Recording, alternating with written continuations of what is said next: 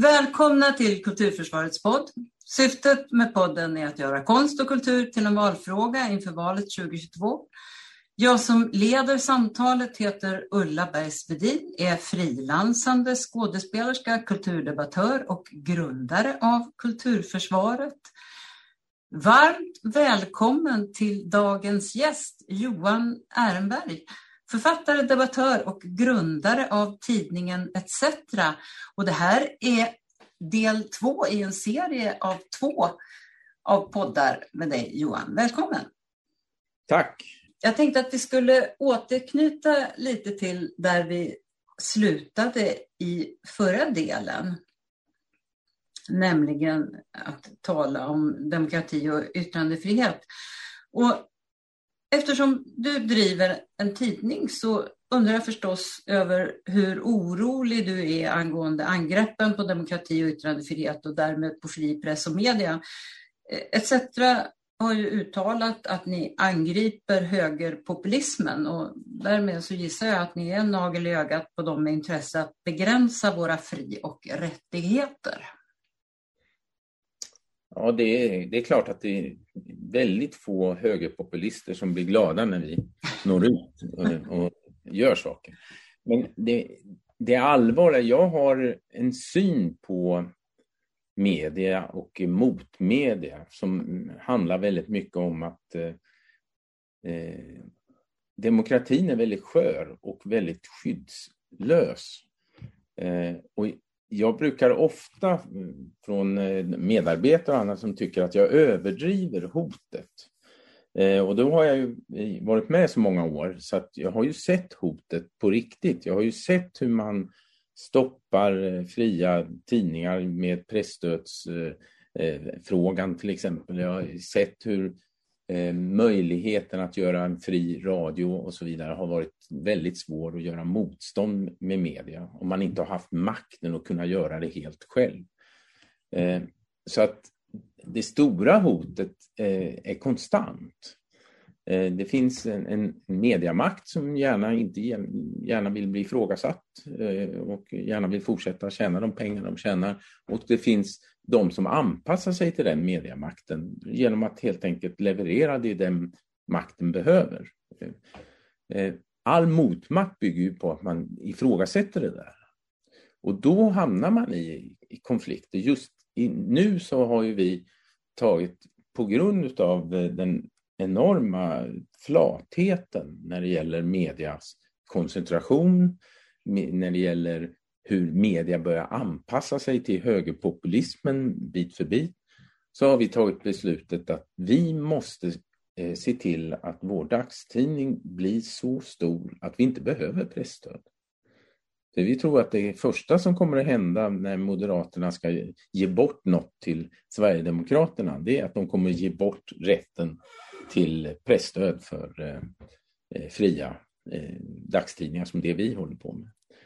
Eh, det har ju varit nära några gånger tidigare eh, där man försökt hindra utvecklingen av nya tidningar eh, från presstödsnämnd presstödsnämnden och så vidare. Men nu är det kombinerat med politiska partier som faktiskt inte vill att det ska finnas det här.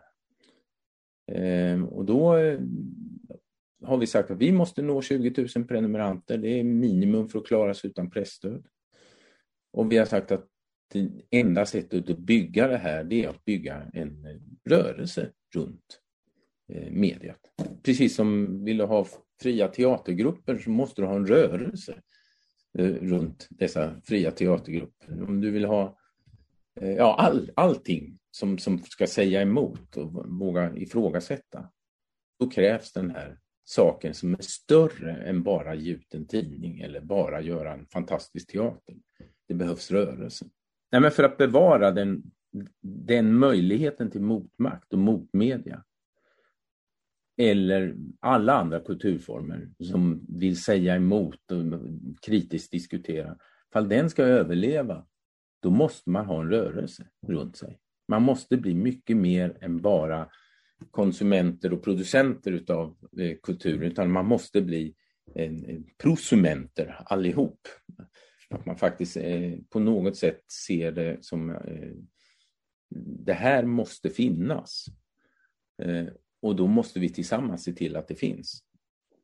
Och inte tro att en marknad löser den frågan. För det är när man börjar tro på marknaden som lösningen som vi genast börjar ta bort möjligheten till riktigt kritiska diskussioner. Mm. Du har ju redan fått känna på hur högerbloggare som Rebecca Weidmo Uvell och Katarina Janouch har angripit dig och till och med häpnadsväckande nog ondgjort sig över, som de skriver, att du verkar ha tillfrisknat efter att du har berättat att du är allvarligt sjuk. Mm. Ja, men det där är ju olika. Eh, den typen av bloggare ska vi säga, högerkrafter som bara ska provocera och lever på det här Patreon, eh, få pengar genom att ständigt försöka påstå massa saker om vänstermänniskor som jag. Det, det, är ju inte, det är ju inte intressant, utan det intressanta är ju vem var det som betalade så att eh, Uvell mm. skulle hålla på och granska Eh, Eh, bokföring och annat som hon inte kunde någonting om, vilket hon skrev själv, och bokslut och annat. Ja, det var ju naturligtvis, hon var ju del i Svenskt Näringslivs satsning på högerbloggare under, under en period. Eh, så att hon, det här de skrev om att jag har ju en cancersjukdom, leukemi, eh, och ty, tyvärr för dem så har jag ju inte dött än. Den här, den här, fortsätter ju den här leukemin hela tiden, men eftersom jag då fortsätter prata och fortsätter sätta upp solceller, fortsätter göra så tyckte de väl att det var en bluff alltihop. Och det, det är ju ganska hårresande att man ska... Eh, men man får ju inte ge sig in i en sån debatt. Det är ju, det är ju, det är ju, det är ju sjunka i nivå så att det blir pinsamt. Men, Men det, är det som är tekniken då för att kunna, alltså för att, för att få folk att läsa så tar man det för att det är det som lockar folk att läsa och sen kan man gå på med det här ekonomiska och påstå att du har fifflat ekonomiskt. Att säga. Ja, fast riktigt så var det inte utan de, det, det, var mer intressant att påstå att vi var i konkurs, att det var eh, pyramidspel, att det var det här att folk eh, sparar i solceller, en bluff och så vidare. Men det det är, var ju medvetet gjort för att skapa en osäkerhet hos människor. Eh, även ETCetras läsare. Vad, vad, är det här? Vad, vad, kommer det här ifrån? Ingen rök utan eld.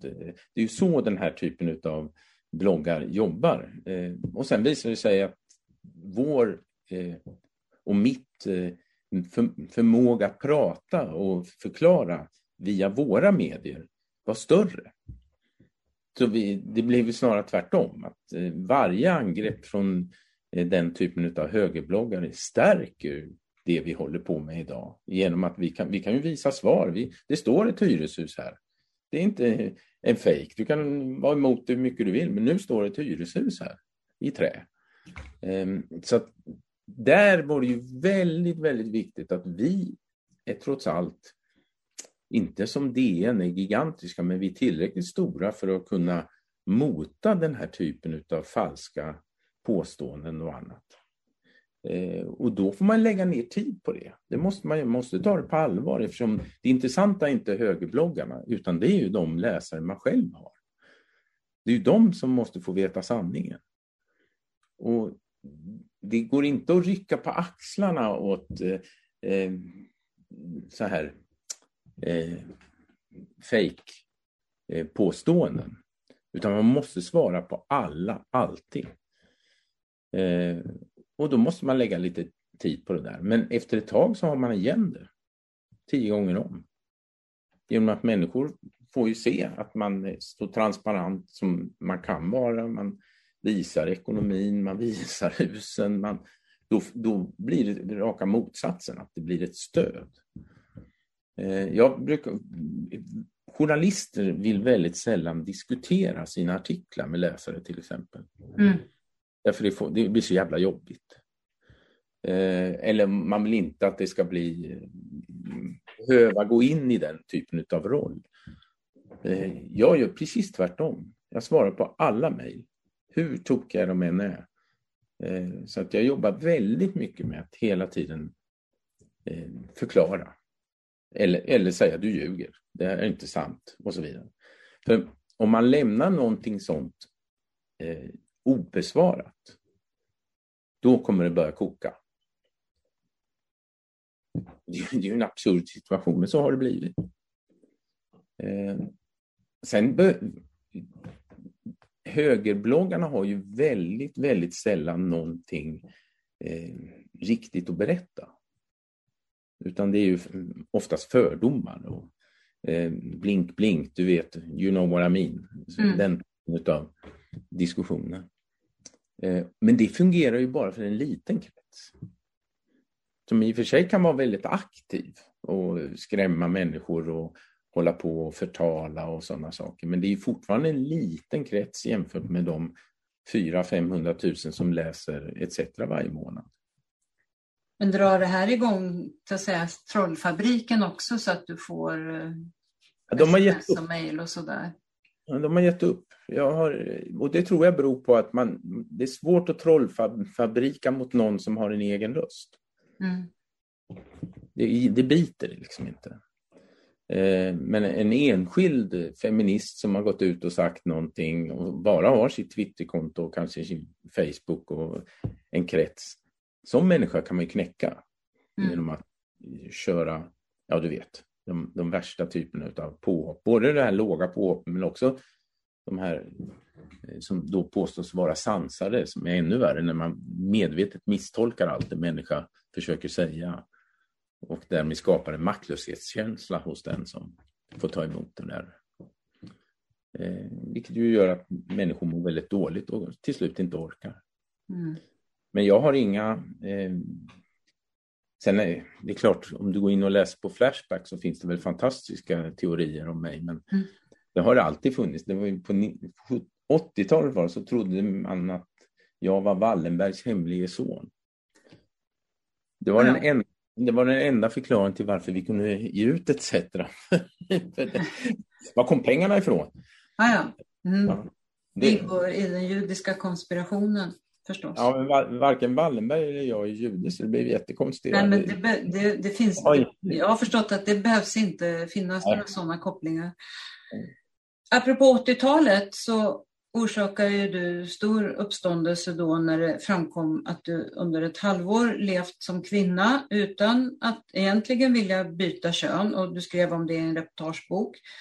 Då var det svårt att tala om frågan men queer-rörelsen på 90-talet gjorde det möjligt att diskutera och nu är diskussionen inne i en ny fas och det är en stundtals rätt aggressiv debatt på nätet vad tänker du om den i förhållande till din egen undersökning?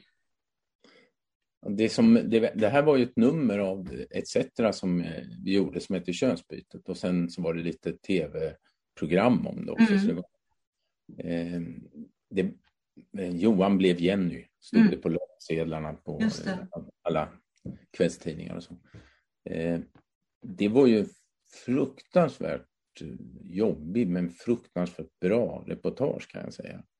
Eh, därför att det var verkligen en undersökning, vill jag? Jag, tri, jag trivs inte med det manliga sättet att vara, köns, könet. Jag trivs inte med könet. Kan jag göra något åt det? Vad händer om jag går över och säger att jag är en kvinna? Eh, och vad händer när jag vill, istället vill gå och säga jag är varken man eller kvinna, jag är ett jag? Mm. Och den fruktansvärt aggressiva reaktionen på att överhuvudtaget ställa frågan på det sättet var ju väldigt avslöjande. Det var ju så avslöjande att det gick inte att fortsätta. Eh, jag kunde ju inte gå på stan. Det var ju helt absurda reaktioner från alla håll. Eh, eftersom könsfrågan är så otroligt eh, känslig för identitet och för eh, vem är jag? Om jag? När jag säger att du, du lever som man men du trivs inte, men du kan leva som kvinna istället. Mm. Fruktansvärd eh, provokation mot det jag som man har haft hela tiden. Och så, i allt det här så finns, fanns det ju ett gäng människor som var inne i den här identitetsdiskussionen och faktiskt bytte kön. Mm beviset på att det går, att könet är socialt, det har vi redan. Mm. Eftersom det lever x antal tusen kvinnor som är födda som män och x antal tusen män som är födda som kvinnor. De finns idag, de lever. Eh, så absolut, könet är socialt. Sen har ju den, den diskussionen blev omöjlig på 80-talet. Den blev så aggressiv så att det gick inte. Och det, med feminism och i olika delar och med eh, naturligtvis högermänniskor som blev... Och det dåvarande homosexuella skräcken och sånt där. Allt, allting blandades i en kittel som gjorde att det var väldigt svårt att diskutera sakfrågan. Men eh, queerrörelsen växte ju fram långt senare som just en rörelse som sa jag har rätt att vara ett jag. Mm. Ni kan inte säga om jag, vad jag är, utan jag, jag är jag. Eh, och den, den tror jag satte igång en diskussion som i början var väldigt förvirrad, som det alltid är när man nya rörelser, men som idag kan man se kraften i den i eh, transrörelsen som faktiskt är väldigt medveten och väldigt, ska vi säga, inte för på 80-talet så en människa som ansåg sig vara trans gömde sig. Mm. Det fanns ju ingen som kunde, det existerade ju inte en öppen diskussion. Idag är det ju jättestarka människor som är ute och pratar på gott, alltså med olika åsikter. Ja. Så jag tycker det är väldigt positivt det här i grunden. Men sen eh, tycker jag att ju mer diskussionen eh, fortsätter, ju mer tycker jag att jag känner igen eh, det som jag själv tänkte. Eh, när, när en man försöker leva som kvinna i sex månader så är det två saker som händer. I ena sidan så ser man för första gången i sitt liv kvinnoförtrycket. Mm. Alltså, du ser det på riktigt. Du märker att du blir inte lyssnad på. Alltså alla de här enkla sakerna som är ganska absurda. Men, som, eh, men du så, det, det, det, intressanta var ju att man, när man då talade om att nej, men jag är inte född som kvinna, då blev förtrycket dubbelt. Mm. För då handlar det också om att du har inte rätt. Du, du, du är äcklig. Du, det här är, är fel. Du, eh, försvinn. Eh, sådana som du ska inte få leva. Eh, den reaktionen finns ju i aggressiviteten idag mot transmänniskor eh, som vill diskutera. Men det finns också en helt annan styrka i rätten att faktiskt vara ett jag.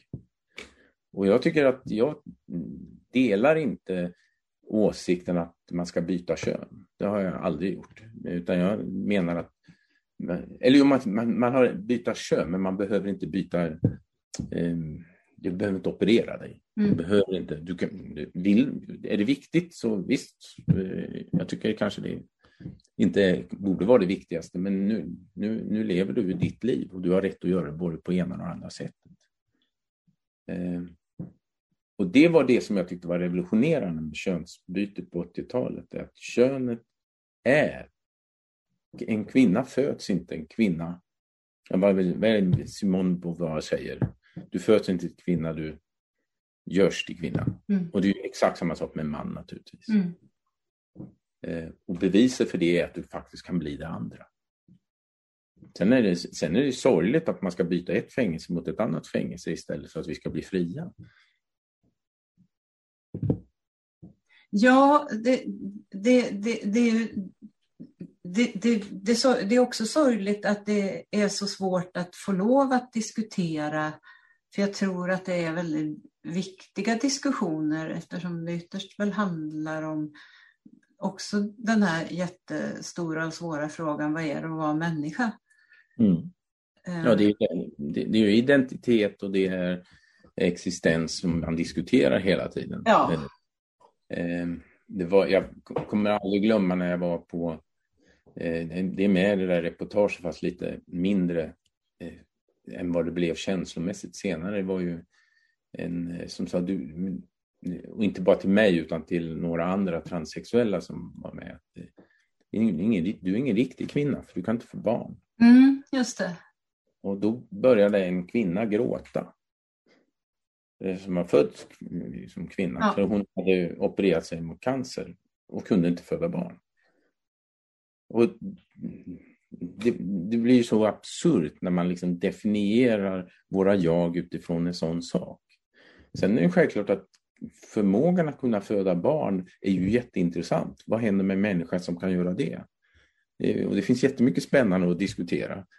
Men att använda det som någon slags definition av rätten att vara ett kön som man upplever sig vara. Det är ju ja, absurt. Sen vet vi ju vet vi att just den frågan är så oerhört känslig för att det är ju många, många kvinnor som upptäcker att de faktiskt inte kan få barn. Mm. Och eh, också att eh, om de inte kan få det, så det finns ju i vissa kulturer att kan du inte få barn så är du värdelös som kvinna. Mm. Och det finns ju en massa sådana saker som spelar in. Mm.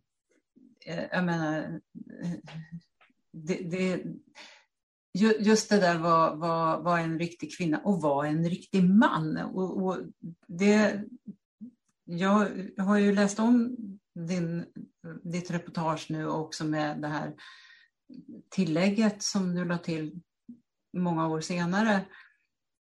Eh, och, och, jag kom på att första gången jag läste det så, så då tänkte jag mest just på dina upplevelser som, som jag kände igen flera av dem som kvinna. Men nu, nu när jag läst om den igen så, så tänker jag mer på att jag undrar om de här som hetsar mot identitetspolitik och de som inte vill ha så kallat genusflum i förskola och skola, om de inte egentligen är mest rädda för att mansrollen ska problematiseras och eventuellt förändras. Vad, vad, vad tänker du om det? Ja, men det tycker jag absolut det stämmer för att eh, aggressiviteten och rädslan och skräcken och angreppet på människor som ifrågasätter könets fängelse, det är ju en utmaning mot manligheten. Det är ju, det är, eh, om det bara handlade om tjejer så skulle det vara en helt annan eh, diskussion. Men i och med att det säger att du som man, du, du, det här är fel. Du, du måste inte vara på det där sättet. Du måste inte, du har faktiskt, om du vill så kan du leva ett annat liv. Eh, och det här, för det patriarkala fängelset som ju är så aggressivt eftersom det bygger så mycket på makt. Eh, det har ju en, en, en, stor, ska vi säga, kostnad för mannen som inte diskuteras. Eh, alltså en, en begränsning av livet. Och när man upptäcker att man inte måste begränsa livet, eller att man har begränsat livet i onödan. Det är ungefär det är samma sak med homosexualitet, när man inte fick vara homosexuell och sen så plötsligt blir samhället öppna för att jo, men det kan man ju vara. Eh, den friheten och den förbättringen utav våra liv som det innebär, det har ju också påverkat manligheten. Att du, du, alltså den homofoba manligheten är inte längre något, något, något ideal på samma sätt som det var förut. Och då har ju naturligtvis manlighetens möjligheter blivit lite bredare. Ja, i alla fall i vissa kretsar. Jag skulle inte vilja säga att det är helt genomgripande i samhället. Nej, nej. men, så är det. men det, är, det är ingenting i samhället. men, eh, jo, men om man jämför med... Jag är, tycker att den eh, möjligheten att bryta sig ur patriarkala system är större för män idag oh ja. än det var tidigare. Och eh, det är inte bara den här frågan, identitet och ifrågasätta roller och sånt, utan det är ju också rent ekonomiskt och det är föräldraförsäkringar och det är sådana saker. Eh, och det är självklart att när man kommer att angripa den typen av saker, för det gör man förr eller senare, mm. då är det ju manligheten man är ute efter egentligen, att du ska, man ska vara en man och så ska vi ha den här uppdelningen.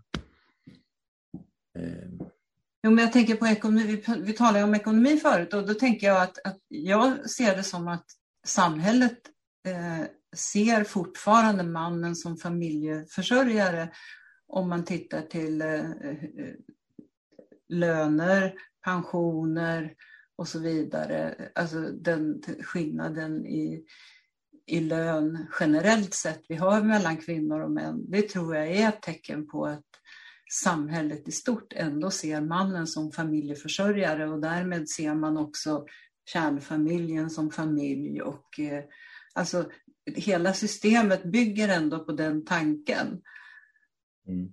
Jag tror att ja, ekonomiska anledningen till att män har högre lön än kvinnor, det beror ju på att män har makten och därigenom gärna vill fortsätta ha högre lön.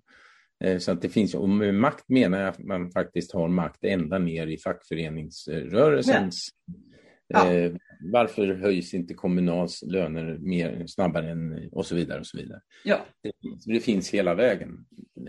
Eh, men det är ju inte så att samhället har den åsikten. Utan Nej, inte, inte, är... inte i de skrivna planerna och så vidare. Alltså det, Nej, det, men det... Orden är en sak, men i, tanke, i tankevärlden så tror jag att det fortfarande finns det här. Och jag tror att där ligger liksom där ligger orsaken till att man inte man vill inte ha det här. Man vill inte ha den här diskussionen för då skulle vi komma farligt nära grunden i hur vi har byggt det här samhället.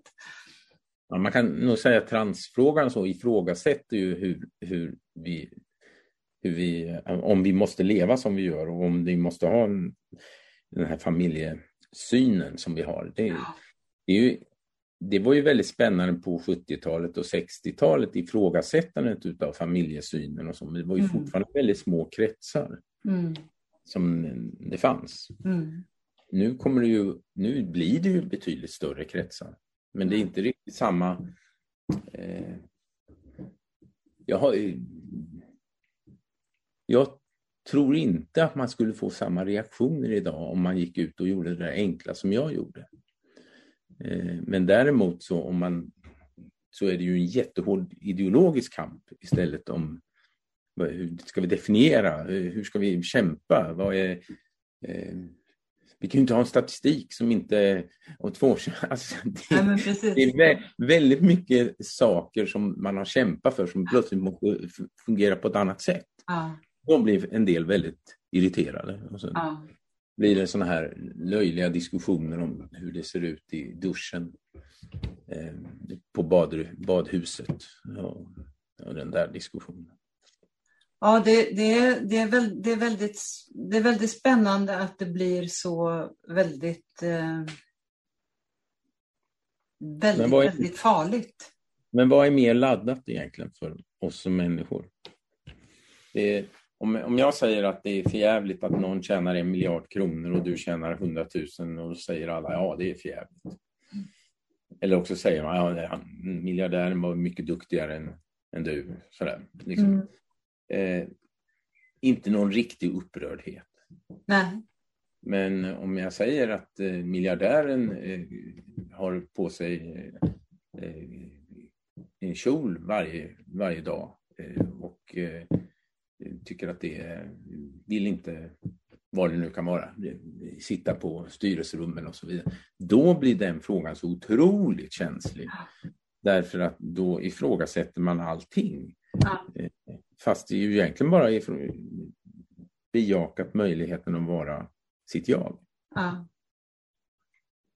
Eller som det... det här du skriver om den här mannen som var klädd som kvinna och råkade ut för en olycka och det ryckte mm. genast in en, en, en god vän för att hjälpa till att skyla över det för att familjen inte skulle behöva uppleva det.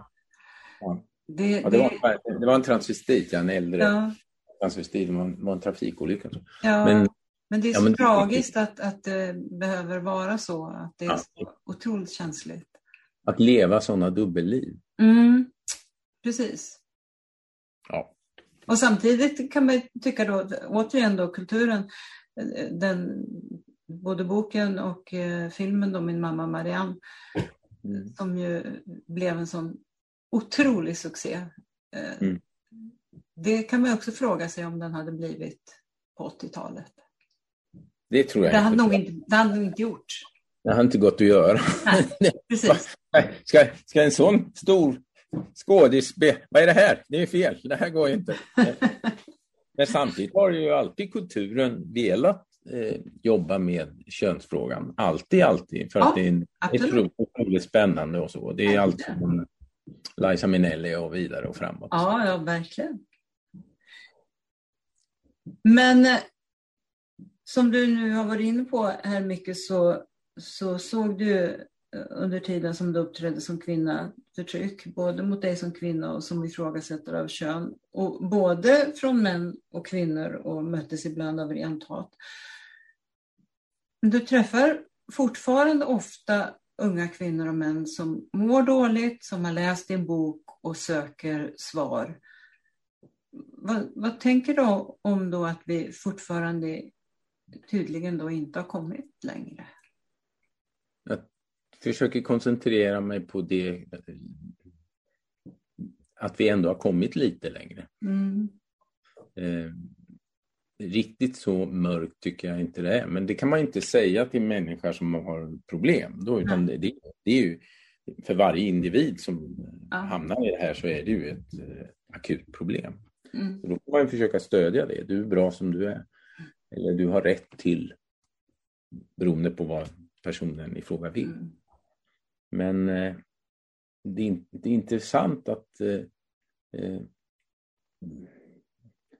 vi pratar om historia, vi pratar väldigt ofta om då och nu, men om man läser en sån bok så upptäcker man att dået är väldigt nära nuet. Mm. Att det finns saker som vi fort, fortfarande tassar runt enormt i, i den intellektuella diskussionen, om det nu finns en sån. Men, för det var det jag tänkte också nu när jag läste det här igen, att det, det är ju, det känns ju ändå för att det här kommer ju upp då och då i olika artiklar och det kommer upp i, eh, särskilt när man ser artiklar om eh, länder som inte ligger särskilt långt härifrån och att det är väldigt akut och man får eh, mejl om att skriva på för, från Amnesty och så vidare. Att, att det, det pågår ju i flera andra länder som till exempel SD har kontakt med ledningarna i och så vidare. Mm. Och att eh, det jag kan känna rädsla för det är ju vad som händer om vi får ett maktskifte här. Därför att vetskapen om hur fort det kan gå. Mm. Men där är ju skyddet för, för människor som är förtryckta. Det är inte en passiv statsmakt och eh, lagar och sånt, utan det är människors aktivitet. Mm. Alltså, det enda skyddet mot eh, fascistiskt försök att ge sig på alla transmänniskor och, och införa mm, tvångsförbud på olika saker eller att man får inte, man får inte. Enda skyddet är att tillräckligt många vägrar acceptera det. Och det är, det är det som är så viktigt med kulturkamp, att den är ju inte mm, parlamentariskt baserad, den inte, utan den handlar om att få igång eh, en reaktion som förändrar diskussionen. Mm. Och om tillräckligt många säger att nej men självklart så har eh, Pelle rätt att vara, vara Petra, eller eh, Petra har rätt att inte vara, vara någonting, eh, heta ett. Om tillräckligt många agerar på det sättet, då kommer fascisterna inte kunna använda det. För fascismen handlar ju alltid om att ge sig på de svagaste grupperna i ett samhälle för att det, ja men du är ju inte som den och den. Och sen stiger ju det här förtrycket. Det här är ju historiskt. Och till slut så, eh, så är, är alla utom en liten elit förtryckt eh, utav de goda fascisterna. Då. Eh, man skapar det här extrema samhället, rigida samhället. Eller det är det man drömmer om att skapa, det rena samhället. Men det är en, det, det, vi ska inte tänka, eller vi ska naturligtvis, ska ju lagarna vara eh, korrekta och det ska vara demokrati och så, men det kommer inte att bli det bara för att vi säger att det ska vara demokrati. Det kommer att vara att vi måste då gå ut och skydda de som utsätts för SDs eh, attacker till exempel. Mm. Eh, och där är vi dåliga. Eh, vi vänster och socialister och feminister i Sverige, vi är dåliga på att vi, vi, skriver att vi är rädda för hotet men vi är dåliga på att mobilisera mot hotet. Mm. Det finns ju några extremt bra exempel på motsatsen. Det var ju eh, hur vi, bok och biblioteksmässan när vi organiserade det här tältet istället för mässan och eh. Man eh, med stora demonstrationer lyckades tvinga nazisterna att gå från ICA till ICA. Just det. Eh, det var ju så man ska göra. Det Sluta med att de grät istället. Ja, och det, det, där, där finns det inget annat argument än att det, det är vår aktivitet som kommer att förändra. Men jag, jag vet inte om du såg det, men häromdagen så hade JO kritiserat en skola i Växjö.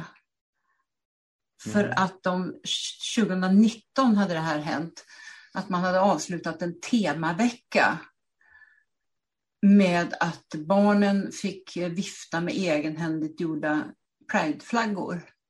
Och så mm. var det en förälder som hade JO-anmält detta och hävdat att eh, det kunde upplevas av barnen att de blev tvingade. Och nu hade mm. JO kommit med sitt uttalande att det borde skolan ha avstått ifrån för att föräldrar och eleverna kunde ha känt sig tvingade. Och då kände jag att då blev jag riktigt orolig. Mm. Men det är ju det är ett bra exempel på eh, om, man, om man låter en sån JO-grej bara vara, om man låter den typen av eh, ska vi säga, angrepp på eh, skolan i det här fallet, eh, då kommer ju få fortsätta. Ja, det är det jag tänker. Om tillräckligt många imorgon går bara med prideflaggor till skolan, om varenda lärare har på sig en pridehatt, om man, man måste, det måste vara ett aktivt motstånd mot sådana här saker. Annars så kommer de att bit, knapra in bit för bit ja. friheter och ja. på möjligheter att stödja saker. Som, sen just, just Pride tycker jag är så jävla märkligt för det är, det är ju, det är ju, det är en flagga som ser ut som GB-glass. Jag menar. Ja, och, och dessutom, jag menar, det, det finns stöd i de mänskliga rättigheterna som svensk diskrimineringslagstiftning bygger på och det står i skollagen att barnen ska lära sig detta. Hur kan JO göra på det sättet? Ja, då, det är då jag blir riktigt, riktigt rädd.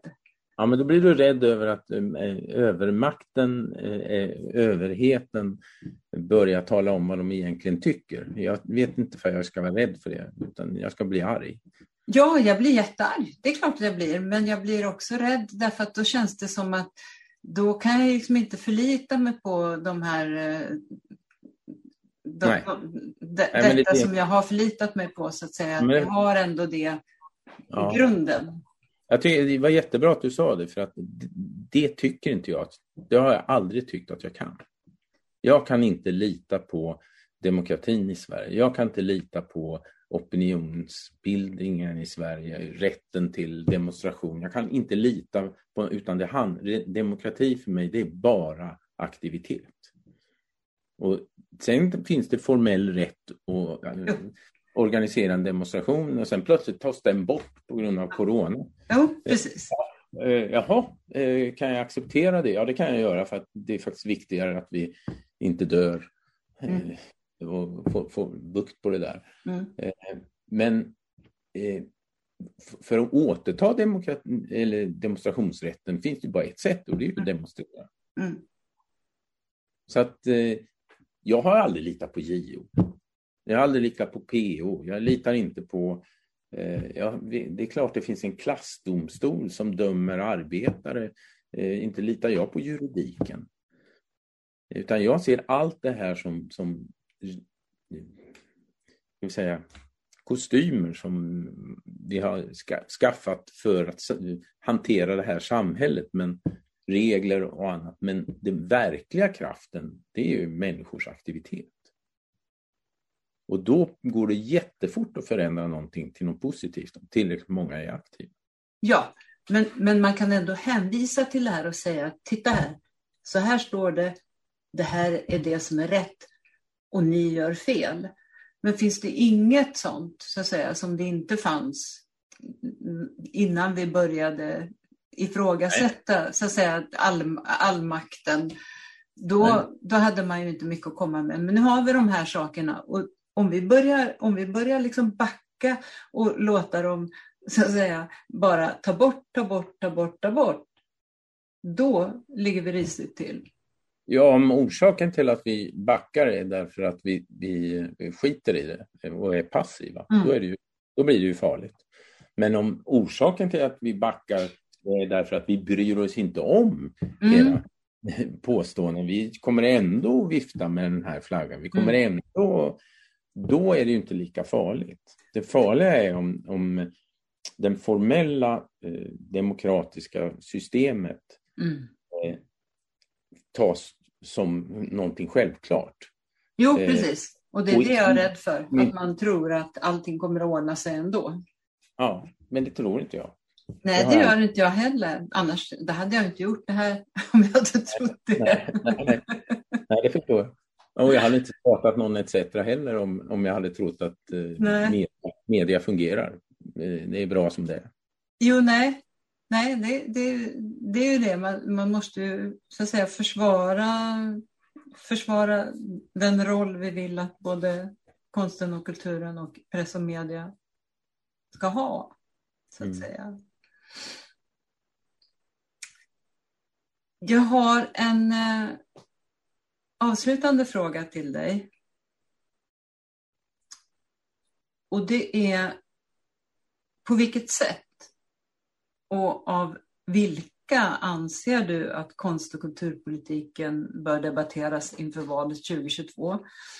Så att det som står i, återkommer vi till sådana här dokument igen, mm. alla de här vackert formulerade kulturplanerna blir tydligt att konst och kultur är viktigt för såväl samhälle som medborgare, som vi har talat så mycket om här. Ja, jag, jag hamnar ju tillbaka i min eh, kulturens betydelse för, med, om vi säger till exempel en sån enkel sak som valrörelsen, eh, det handlar om att i så fall måste kulturen satsa och gå in i den valrörelsen och utmana, Eh, störa torgmöten, om det nu är sådana som finns kvar, eh, tvinga in eh, kritiska diskussioner genom att vara aktivister, helt enkelt. Och, det finns ju ingenting som politiken är tvungen att anpassa sig till så mycket som om det finns tillräckligt många människor som, som vill höra ett svar på det här. Jag kommer, kommer ihåg det mest märkliga politiska sammanhang som fanns, jag vet inte om den finns kvar, det var ju det här frikyrkotältet där alla partiledare blev intervjuade i Småland. På, skedde hela 70, 80 och 90-talet så åkte alla partiledare ner och blev intervjuade av en det var ju en mycket märkliga. Hur kunde det bli så stort så det, det liksom var en del i allas svar? Jo, genom att det var väldigt många frireligiösa som eh, organiserade det där och eh, krävde svar utifrån sina plattformar. Det, jag menar, om vi snackar kända människor inom kultur och konst har ju verkligen makt att tvinga fram svar om man, om man organiserar sig.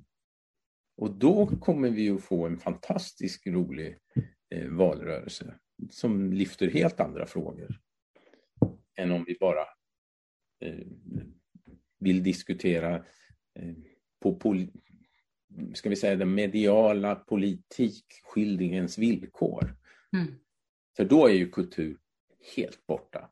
Bort, bort. Det här diskuterar vi möjligen skattesänkningar och eh, etableringsstöd för eh, någonting. Men vi, vi, har ingenting med varför det finns kultur och varför, vi, varför, det, ja, varför det är så viktigt i samhället. Eh, och varför det inte handlar om några få människor utan det handlar om alla människor. Mm. Så att eh, det absolut roligaste som skulle kunna hända det är ju nya tältprojekt som var, du är så gammal som jag så du kommer mm. ihåg det. Liksom. Absolut. Men eh, det var ett sätt att organisera, eh, för det var, i och med att det var så hög kvalitet på det också, så ja. blev det ju ett sätt, det gick ju inte att, det gick inte att ignorera. Nej. Och det går inte att ignorera väldigt mycket saker om det görs bra och tillräckligt många som gör det. Så att eh, jag vill ju se Stefan Löfven på stor musikfestival där han är tvungen att svara på eh, ungars Unga. frågor över varför gör han ingenting? Varför gör du ingenting? Ja. Mer aktivism. i valrörelsen? Ja, vi kommer inte få ett försvar för det som vi tror på när det gäller demokrati och kultur och konst. Vi får inget försvar genom att ställa frågan utifrån att nu står det ju i FNs mänskliga rättigheter att vi ska ha det här. Utan direkt, då får vi bara ett ja. Ja, det ska man ha. Men om man frågar varför, varför har vi en statsbudget som eh, satsar så här många miljarder på, eh, som man nu gör, finansmarknaden som har mm. fått 500 miljarder. Och eh, vi har en, vad är det, 50 till 100 000 människor som aktivt jobbar med kultur eh, hela tiden och de har ingenting. Varför har vi en sån prioritering? Alltså, det, det, det, då får, det får du ju inget svar på genom att diskutera på den nivå som man vill lägga frågan. Det får du bara svar på om du agerar. Så en, en gigantisk kulturstrejk. Ingen får göra någonting annat än att titta på Netflix i en vecka. Eh, och bara ett program. Det, det, där, det där tror jag verkligen skulle vara väldigt effektivt eh, med en, eh, en, en generell strejk. För att jag tror att de allra flesta, precis som du sa i, i början på förra delen, att eh, väldigt många tänker inte på hur mycket de tar del av kultur. Nej. Det blir, det blir en hård avslutning på pandemin. det kommer bli ännu värre i en vecka. Ja, vi får se. Men eh, eh, vi kommer inte undan vår egen eh, aktivitet om vi vill både rädda världen och rädda hjärnan och rädda kulturen. Så säger vi. Mm. Tack för det. Stort tack Johan för att du ville medverka. Och tack för att ni lyssnade. Den som vill veta mer om Kulturförsvaret och om kommande poddar kan gå in på kulturförsvaret.se. Poddarna hittar ni på sidan och där poddar finns. Om ni vill gå med i vår Facebookgrupp så är det bara att gå in och ansöka om medlemskap. Gruppen är öppen för alla som är intresserade av konst och kultur och tycker att det är viktigt att konst och kultur och fri press och media diskuteras på samma villkor som andra politikområden inför valet.